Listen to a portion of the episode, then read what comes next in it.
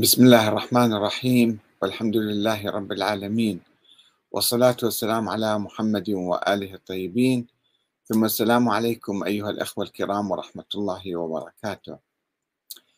الإمامية الشيعة الإمامية يقولون لأن عقيدتنا مبنية على القرآن الكريم وقد جعل الله الأئمة جعلا ونصبهم تنصيبا وقال إنه يوحي إليهم آه، في الحقيقة أنا يوم أمس تحدثت عن سوق مريدي وقلت أن هذا السوق شكل ظاهرة ثقافية أيضا وليست ظاهرة مادية لبيع البضائع المسروقة والضعيفة والمزورة أو الشهادات والأختام والوثائق المزورة كما هو معروف عنه في بغداد وإنما هناك ظاهرة ثقافية أيضا آه، يمكن نطلق عليها ظاهرة سوق مريديا الثقافية يعني أن بعض الناس يعتمدون في بناء عقائدهم وأفكارهم ونظرياتهم وفرضياتهم على الوثائق المزورة الأحاديث الضعيفة والإشاعات والأساطير ويربطوا بينها حتى يشكلوا مذهبا أو مثلا دينا أو عقيدة أو أيديولوجية حزبية معينة ودعوت إلى الأخذ بالقرآن الكريم يجب علينا أن نعتمد على القرآن الكريم ونعتمد على السنة النبوية الثابتة المتواترة وعلى الأحاديث الصحيحة عموما بعد أن ندرس هذه الأحاديث ولا نطلق صفة التواتر والصحة وكذا جزافا على أي حديث مثلا حديث آحاد دائما هذه أيضا آه، ظاهرة موجودة أنه بعض المشايخ أو الباحثين يطلقون صفة التواتر على الأحاديث على أخبار الآحاد أو على الإشاعات يوجد تواتر على كذا وكذا والناس البسطاء بسرعة يصدقون والله في تواتر بعد ما في نقاش يعني آه، ردا علي كتب أحد الأخوة ويسمي نفسه فريمون يقول الأئمة يوحى إليه من الله ولا يتكلمون إلا بأمره قال تعالى وجعلناهم أئمة يهدون بأمرنا وأوحينا إليهم فعل الخيرات وإقام الصلاة وإيتاء الزكاة وكانوا لنا عابدين آية 73 من سورة الأنبياء فيركز الأخ فريمون يقول وجعلناهم أي نصبناهم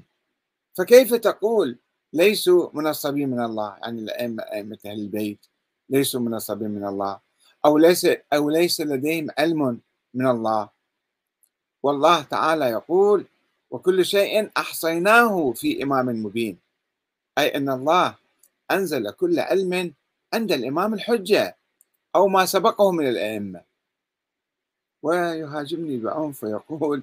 لما تظل لماذا تظلل الناس عن صاحب الزمان والله تعالى يقول يوم ندعو كل أناس بإمامهم أي نسألهم عن إمامهم وهو الإمام الذي نصبه الله وليس شورى كما تتفلسف وتدعو الناس للديمقراطية حضرتك لعن الله أمة أزلتكم عن مراتبكم التي رتبكم الله فيها هذا مقطع من زيارة يا أين تذهب من عذاب الله يا منافق يا من تحارب إمام زمانك وتحارب الله هنا الأخ فريمون اللي ما قايل لنا اسمه شنو هو أيضا يعبر عن الفكر الإمامي بالحقيقة يقوم على آه، تأويل آه، هذه الآيات وآيات أخرى بالقرآن الكريم يعني عندنا ظاهرة سوق مريدي اللي يعني سوق الإشاعات والأساطير والخرافات والأحاديث الموضوعة وعندنا ناس يقولون لا احنا ناخذ عقيدتنا من القران ولكنهم يؤولون القران تاويلا تعسفيا يخرجون الايات من سياقها ويأخذون مقطع من آية هنا مقطع آية من هناك ويركبون الآيات على بعضها ويكونون نظرية وهذا مو جديد من منذ نشوء الإمامية في القرن الثاني الهجري رووا روايات عن الإمامين الباقر والصادق بذلك في الحقيقة وطبعا هذا كذب وزور الأئمة لا يمكن أن يقولوا ذلك ولكنهم هكذا يقولون والناس مصدقين هالروايات والأحاديث ولا قال الإمام الصادق كذا قال الإمام الباقر كذا بعد ما في شك وما في نقاش والمشكلة أنه حتى بعض المراجع والمشايخ مو فقط الناس العاديين أو الخطباء والناس البسطاء يعني الطلبة المبتدئين لا حتى يمكن بعض المراجع خاشة في عقلهم هذه الفكرة أنه هاي الآيات مجموعة يقروها مع بعض ويأخذوا من عندها نظرية معينة هذه مشكلة تأويل الآيات بصورة تعسفية هذه مشكلة قديمة قال الله تعالى في كتابه الكريم في سورة آل عمران آية رقم سبعة هو الذي أنزل عليك الكتاب منه آيات محكمات واضحة يعني وصريحة هن أم الكتاب التوحيد النبوة المعاد الصلاة الصوم الحج الزكاة هذه آيات محكمة وأخر متشابهات يعني الناس يمكن يقرأوها يعني يحاولون أن يشتبهوا فيها أو هنا آيات غامضة مثلا فأما الذين في قلوبهم زيغون فيتبعون ما تشابه منه يعني كلمة مثلا كلمة إمام فيها معاني عديدة متشابهة هالكلمة هاي متشابهة فهم يأخذون معنى معين ويركبوه على معاني أخرى وآيات أخرى فأما الذين في قلوبهم زيغ فيتبعون ما تشابه منه لماذا؟ ابتغاء الفتنة وابتغاء تأويله بصورة تعسفية وما يعلم تأويله إلا الله فقط الله يعلم تأويله الآيات الغامضة طبعا هنا والراسخون في العلم يقولون آمنا به كل من عند ربنا وما يذكر إلا أولو الألباب طبعا هؤلاء المؤولون والذين في قلوبهم زين أيضا حتى جاءوا إلى هذه الآية وقرأوها بشكل آخر فقالوا وما يعلم تأويله إلا الله والراسخون في العلم جمعوا من هم راسخون في العلم قالوا هم الأئمة هم الذين يعلمون القرآن فصار يعني شوفوا حتى هاي الآية شوهوها ولو قرأوها بصورة كاملة لعرفوا معناها الواضح والراسخون في العلم يقولون آمنا به كل من عند ربنا يعني ما يوقفون عند المتشابهات ولكن هؤلاء حاولوا تقطيع هذه الآية وقراءتها كما يريدون فأخونا آه، العزيز فريمون أو الإمامية بصورة عامة آه، هنا أورد لنا عدة آيات قرآنية تتضمن كلمة الإمام مثلا قال أول شيء وجعلناهم أئمة ثم قال وكل شيء أحصيناه في إمام مبين أو يوم ندعو كل أناس بإمامهم جاب آيات بالقرآن كلمة إمام موجودة فيها واستشهد فيها وركبها على الامام المهدي اللي هو ما معلوم اصلا ما في دليل على ولادته ووجوده ولكن استنبط منها وهكذا بصوره يعني على طريقه آه، مريدي يعني ركب الايات على بعض ونسف الشورى واكد ان الامامه بالنص من الله تعالى طيب ما الان الشيعه كلهم يؤمنون بالشورى يؤمنون بالديمقراطيه يؤمنون بولايه الفقيه يؤمنون بالمرجعيه حتى المرجعيه هي هي مضاده لنظريه الامامه يعني المرجع مثل الامام صاير لا يشترط فيه الاسماء ولا النص من الله ولا من السلاله العلويه الحسينيه يكفي ان يكون فقيها عادلا يقلدون الناس كذلك نظريه ولايه الفقيه ولكن بعض الاخوه لا يزالون يعيشون في الفكر القديم اللي آه، نظر لفكره الامامه وركبها على علم الاثنى عشر وبعدين ولد هاي النظرية هذا المولود الذي لم يولد الإمام الثاني عشر يعني فإحنا لو قرأنا بالحقيقة الآيات ضمن سياقها لفهمناها بصورة واضحة نحتاج نأولها آه، بصورة تعسفية آيات واضحة وصريحة تتحدث عن بني إسرائيل أو تتحدث عن مواضيع أهل البيت مثلا عن نساء النبي ونشوف الآن نجيب بعض الآيات الأخرى أيضا قال تعالى وأرادوا به كيدا فجعلناهم الأخسرين تتحدث عن الأنبياء السابقين عن نبي إبراهيم ونجيناه ولوطا إلى الأرض التي باركنا فيها للعالمين ووهبنا له إسحاق ويعقوب نافلة وكلا جعلنا صالحين هنا شاهد الآية وجعلناهم أئمة يهدون بأمرنا الله يتحدث عن أنبياء بني إسرائيل عن النبي إبراهيم وإسحاق ويعقوب وجعلناهم أئمة يهدون بأمرنا وأوحينا إليهم فعل الخيرات الأنبياء كان يجي عليهم وحي وإقام الصلاة وإيتاء الزكاة وكانوا لنا عابدين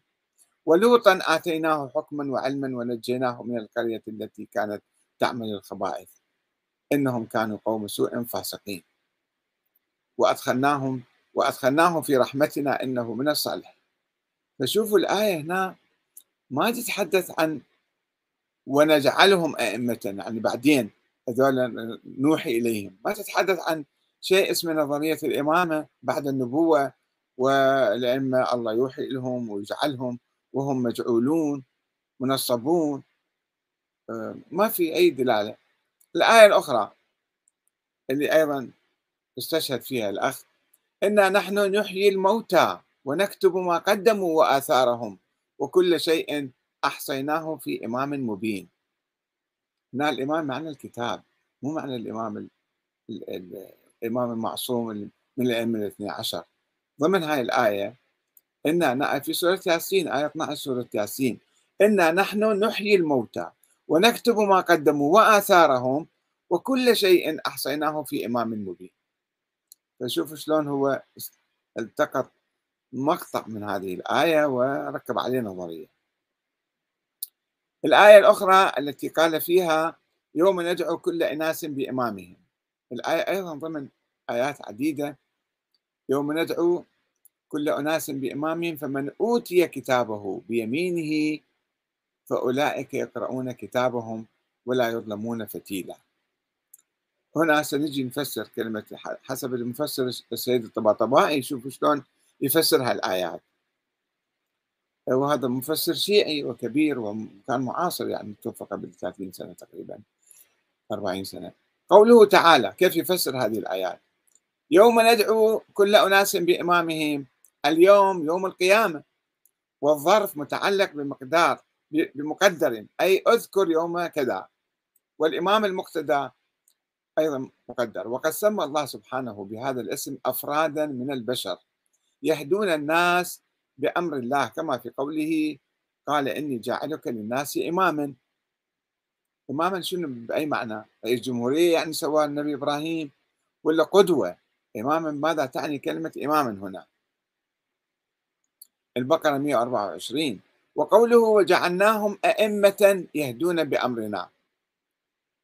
سمى هذول الناس الصالحين الله سماهم أئمة وأفرادا آخرين يقتدى بهم في الضلال كما في قوله فقاتلوا أئمة الكفر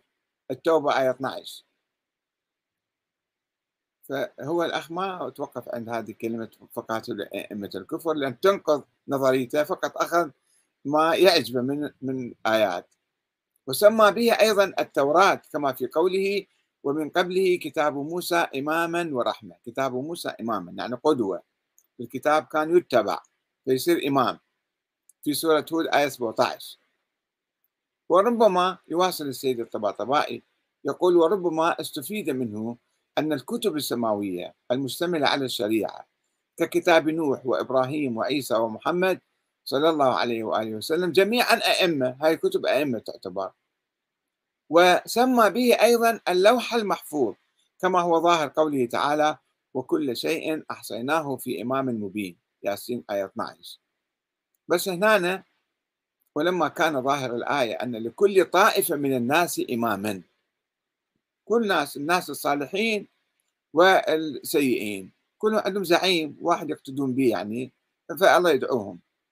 بإمامهم آه، غير ما ما لغيرها فإن يعني كل طائفة عندها إمام غير الطائف الأخرى فإنه المستفاد من إضافة الإمام إلى الضمير الراجع إلى كل أناس لم يصلح أن يكون المراد بالإمام في الآية اللوح لكونه واحدا لا اختصاص له بأناس دون أناس فنفهم هذا مو يعني اللوح هنا كلمة الإمام الأخ حبيب قاسم يعلق طبعا هذا الموضوع أثار نقاشا وحوارا بين عدد من الأخوة الذين أيدوا كلام فريمون الكلام الإما... يعني النظرية الإمامية والتأويلات التعسفية وأخوة آخرون ناقشوا وردوا وبينوا الله يجزيهم خيرا أي واحد يحب يراجع صفحته على الفيسبوك أنا أقتطف كلمة لأخ حبيب قاسم يقول اجتزاء خارج السياق يرد على فيريمون وحمل الآية على غير موضعها لتأويلها بهذه الصورة المبالغة في التكلف والتحريف البعيد عن السياق والمقصد على المؤول اللي أول يعني تحريف عدة قواعد منطقية ليصل لهذا التأويل الاجتزاء خارج الزمان والمكان يأخذ الآية يعني يقتطعها من من زمانها ومكانها والإسقاط على مستقبل وحمل المقيد على مقيد آخر ليس من نفس الجنس والزمان والمكان والقصد وهذا آه، بعد تفعيل الجهل المركب والعمى المذهبي لتغليب المذهب وتسخير القرآن لهذه الغاية بدل الفهم بأمانة وضمن المقصد والسياق القصصي والزمني والمكاني والدلالي والحصري والسببي ما حصل هو واحد اجتزاء آية محصورة بين آيات فما قبلها وما بعدها أتى في سياق زمني في صيغة الماضي عن زمن القرآن وشطح المحرف لإسقاطها على مستقبل بعد نزول القرآن إذ أن الآية نزلت في أنبياء بني إسرائيل حتى إسماعيل لم يذكر قبلها وبعدها بآية كدلالة على تقييد النزول بأنبياء ذكرتهم الآية وأسقطوها على أئمة نصبوا لاحقا بعد خاتمية الرسالات ولم يكونوا قد ولدوا وقت نزول الآية وليسوا محل إجماع ضمن نفس العائلة ونفس نفس المذهب أيضا مو متفقين عليهم فالزيدية اختلفت مع الاثنى عشرية والإسماعيلية وباقي الفروع حول تحديدها اثنين الجهل المركب بحمل كلمة إمام بمقاصدها عن الأنبياء من إسحاق ويعقوب ولوط وتأويلها على أنها تصلح لكل مصطلح دلالي لاحق تستخدم فيه هذه الكلمة يعني هل يجوز للمالكي أن يقول نزلت بالإمام مالك أو الشافعي يقول نزلت بالإمام الشافعي فالاصطلاح على إمامتهم أتى متقدما مستقبليا آه، كحال أئمة نسل الإمام علي هل يجوز لابن ضيعتنا مثلا يجيب مثل واحد اسمه موسى في الضيعة مثلا في لبنان أن يقول بأن آيات النبي موسى نزلت فيه فهو يشترك رسما ويختلف دلاليا بالمقصد مع المصحف والطاقة المبذولة في التأويل لحرف تأويل كلمة إمام عن موضعها هي ذاتها التي يحتاجها من اسمه موسى يقول أنا المقصود بآيات موسى كما يجون بعض الناس الهبل اللي يستخدمون بعض المصطلحات في القرآن في الحقيقة هاي يعني آه، تأويل كلمة إمام الواردة في عدة آيات قرآنية بصورة تعسفية بالأئمة الاثنى عشر ثم نستنتج نتيجة أنهم قد جعلهم الله وأن الله يوحي لهم نقع بفكرة أخرى صاروا أنبياء دولة ما صاروا أئمة حكام يعني احنا نحتاج بعد النبي إلى حكام وزعماء وقادة وأئمة بمعنى الحكام مو بمعنى أنبياء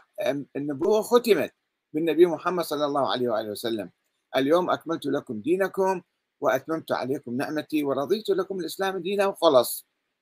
فماذا نحتاج بعد النبي عندنا القرآن عندنا ناس يطبقون القرآن وهؤلاء الأناس الذين يطبقون القرآن إما أن حسب قول الإمامية الله يعينهم أو إحنا ننتخبهم كما انتخبهم صحابة رسول الله انتخبوا أبا بكر وعمر وعثمان وعلي والإمام الحسن بعد ذلك ف والآن الشيعة أيضا ينتخبون أئمتهم ولا يقولون يجب أن يكون الإمام معينا من قبل الله ومجعولا من قبل الله فشوف صار يعني هاي فترة الإمامية فترة انحراف في التيار الشيعي أئمة أهل البيت والشيعة الأوائل كانوا يؤمنون بالشورى ولم يكونوا يؤمنون بنظرية الإمامة والآن الشيعة يؤمنون بنظرية الشورى ولا يؤمنون بنظرية الإمامة عمليا إلا مع بعض آه، يعني ما عدا بعض الناس اللي قاعدين في زوايا والتكايا والكهوف وهاي الفترة اللي ألف سنة نفترض أو أكثر من ألف سنة اللي افترضوا فيها أن الإمامة يجب أن تكون من الله وبعدين شافوا الإمام الحسن العسكري لم يتحدث عن الإمامة ولم يقل أنا عندي ولد حتى تستمر الإمامة فوقعوا في حيرة كبرى سموه عصر الحيرة في منتصف القرن الثالث الهجري وأدى بهم أدت بهم هذه الحيرة إلى افتراض ولد غير موجود هو الإمام الثاني عشر محمد بن الحسن العسكري ما موجود ولا مولود افترضوا ثم وقعوا في مأزق تاريخي من ألف سنة أنه يجب أن ننتظر هذا الإمام حتى يخرج ويقيم الدولة وإحنا ما يجوز لنا نقوم باي ثوره باي مقاومه باي حركه سياسيه ان نشكل دوله هذا كله حرام في حرام في حرام حتى صلاه الجمعه ما يجوز نصليها الا يخرج هذا الامام او يعين واحد من عنده اذن خاص عنده وكيل خاص حتى الان الحوزه الاميه تقول ذلك تقول انه بعضهم يقولون صلاه الجمعه حرام بعضهم يقولون مكروهه بعضهم يقولون مخيره بعضهم يقولون مثلا مستحبه وهكذا مضطربين ما يعرفون شنو يقولون لانهم لا يعودون الى القران ويعودون الى سوق مريدي حتى ياخذون من عنده نظرياتهم واحكامهم. عندنا اشياء مشابهه مكمله لهذه النظريه اللي ما يتعلق بموضوع اهل البيت واهل الذكر والامام المهدي مجموعه مفاهيم آه، يعني ظهرت آه، في آه، عند الاماميه وايضا قامت على تاويل القران بصوره تعسفيه مثل هذه الآية إنما يريد الله ليذهب عنكم الرجز أهل البيت ويطهركم تطهيرا هذه آية جاية ضمن مجموعة آيات قرآنية في سورة الأحزاب آه، تتحدث عن نساء النبي ولكنهم اقتطعوها بشبهة معينة أنه لماذا هنا صار الخطاب آه، بصيغة الجمع المذكر عنكم ويطهركم الآيات كلها بصيغة نون النسوة آه، هنا صار الجمع المذكر فقالوا ها هنا إذا هذه الآية ما تدل على نساء النبي فاقتطعوها شالوها وركبوها على أئمة آخرين إلى ناس آخرين لم يذكروا في الآية أيضا وأنهم هم افترضوهم وركبوا عليهم وأيضا استفادوا من هذه الآية مفهوم العصمة فقال الأئمة يجب أن يكونوا معصومين وهذه الآية تدل على العصمة في حين أن هذه الآية لا تدل على العصمة التكوينية يعني ولا تدل على ناس خارج آه، نساء النبي وإنما اجت الآية بصيغة المذكر لأنها تشمل النبي أيضا فجت العائلة كلها البيت كلهم فصارت بصيغة آه، الجمع المذكر الآيات تعرفوها أنتم يا أيها النبي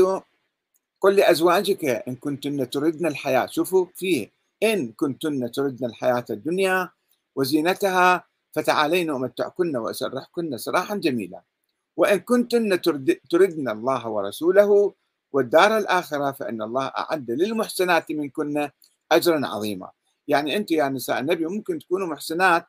ممكن تردون الدنيا فالنبي راح يطلقكم ويسرحكم اذا تردون الدنيا فده تخير نساء النبي ما تحكم عليهم لا تحكم عليهم بالضلال ولا تحكم عليهم بالاحسان وبالعصمه يا نساء النبي من ياتي منكن من ياتي منكن بفاحشه مبينه يضاعف لها العذاب ضعفين وكان ذلك على الله يسيرا شوفوا ومن يقنت منكن لله ورسوله وتعمل صالحا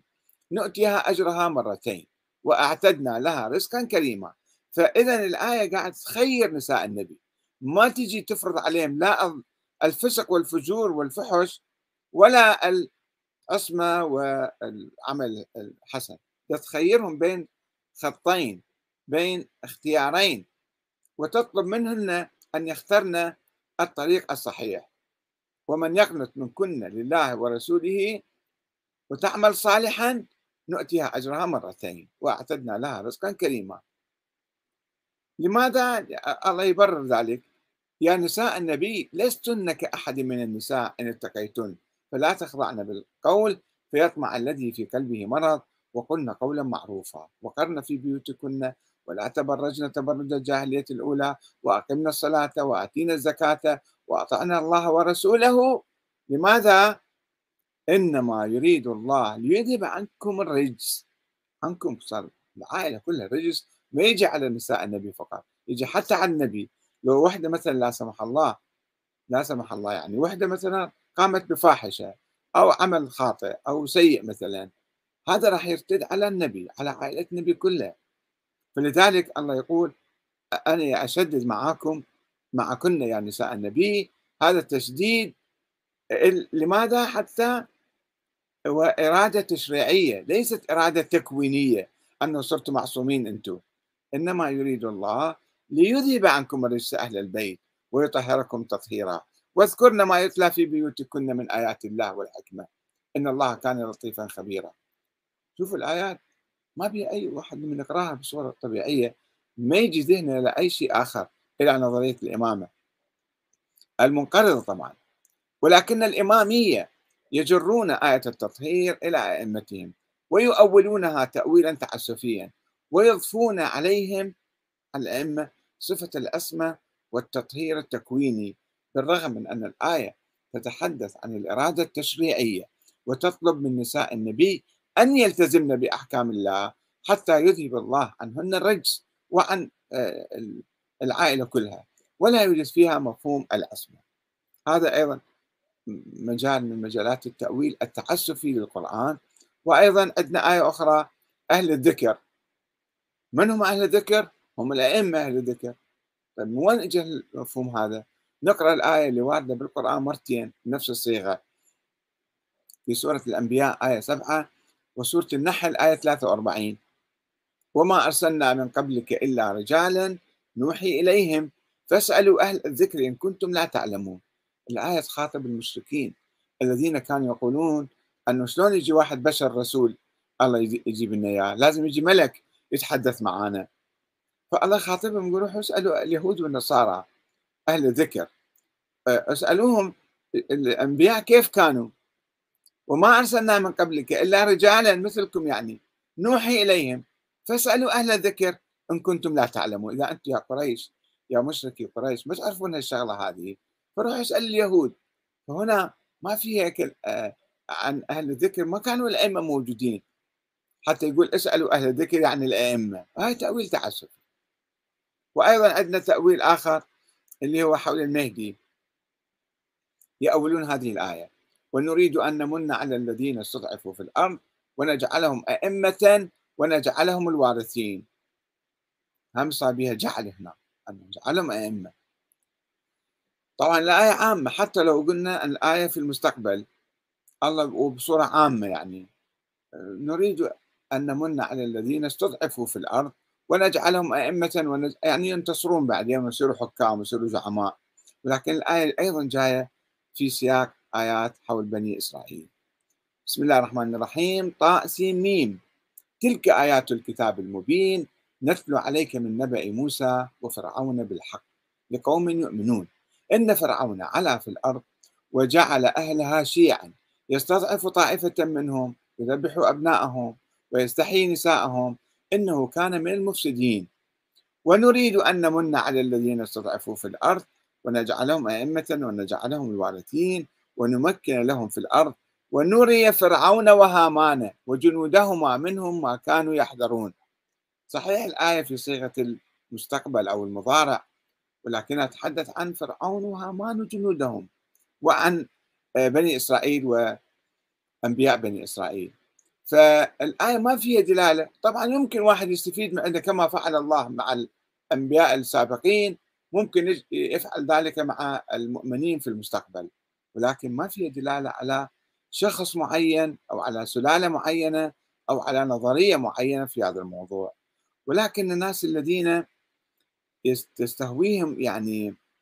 آه، الشبهات والآيات المتشابهة ويحاولون يعني تأويل القرآن بصورة تعسفية لكي يصنعوا منه نظرية مزيفة ليس لها من الواقع تظهر فترة من الزمن ثم تنقرض وتموت وتنتهي هذا دلالة على أن النظرية لم تكن آه، صحيحة ولم تكن راسخة أو مبنية على أسس قوية واضحة وصريحة من القرآن الكريم فنعيد قراءة هذه الآية هو الذي أنزل عليك الكتاب منه آيات محكمات هن أم الكتاب وأخرى متشابهات فأما الذين في قلوبهم زيغ فيتبعون ما تشابه منه ابتغاء الفتنة وابتغاء تأويله وما يعلم تأويله إلا الله والراسخون في العلم يقولون آمنا به كل من عند ربنا وما يذكر إلا أولي الألباب صدق الله العلي العظيم والسلام عليكم ورحمة الله وبركاته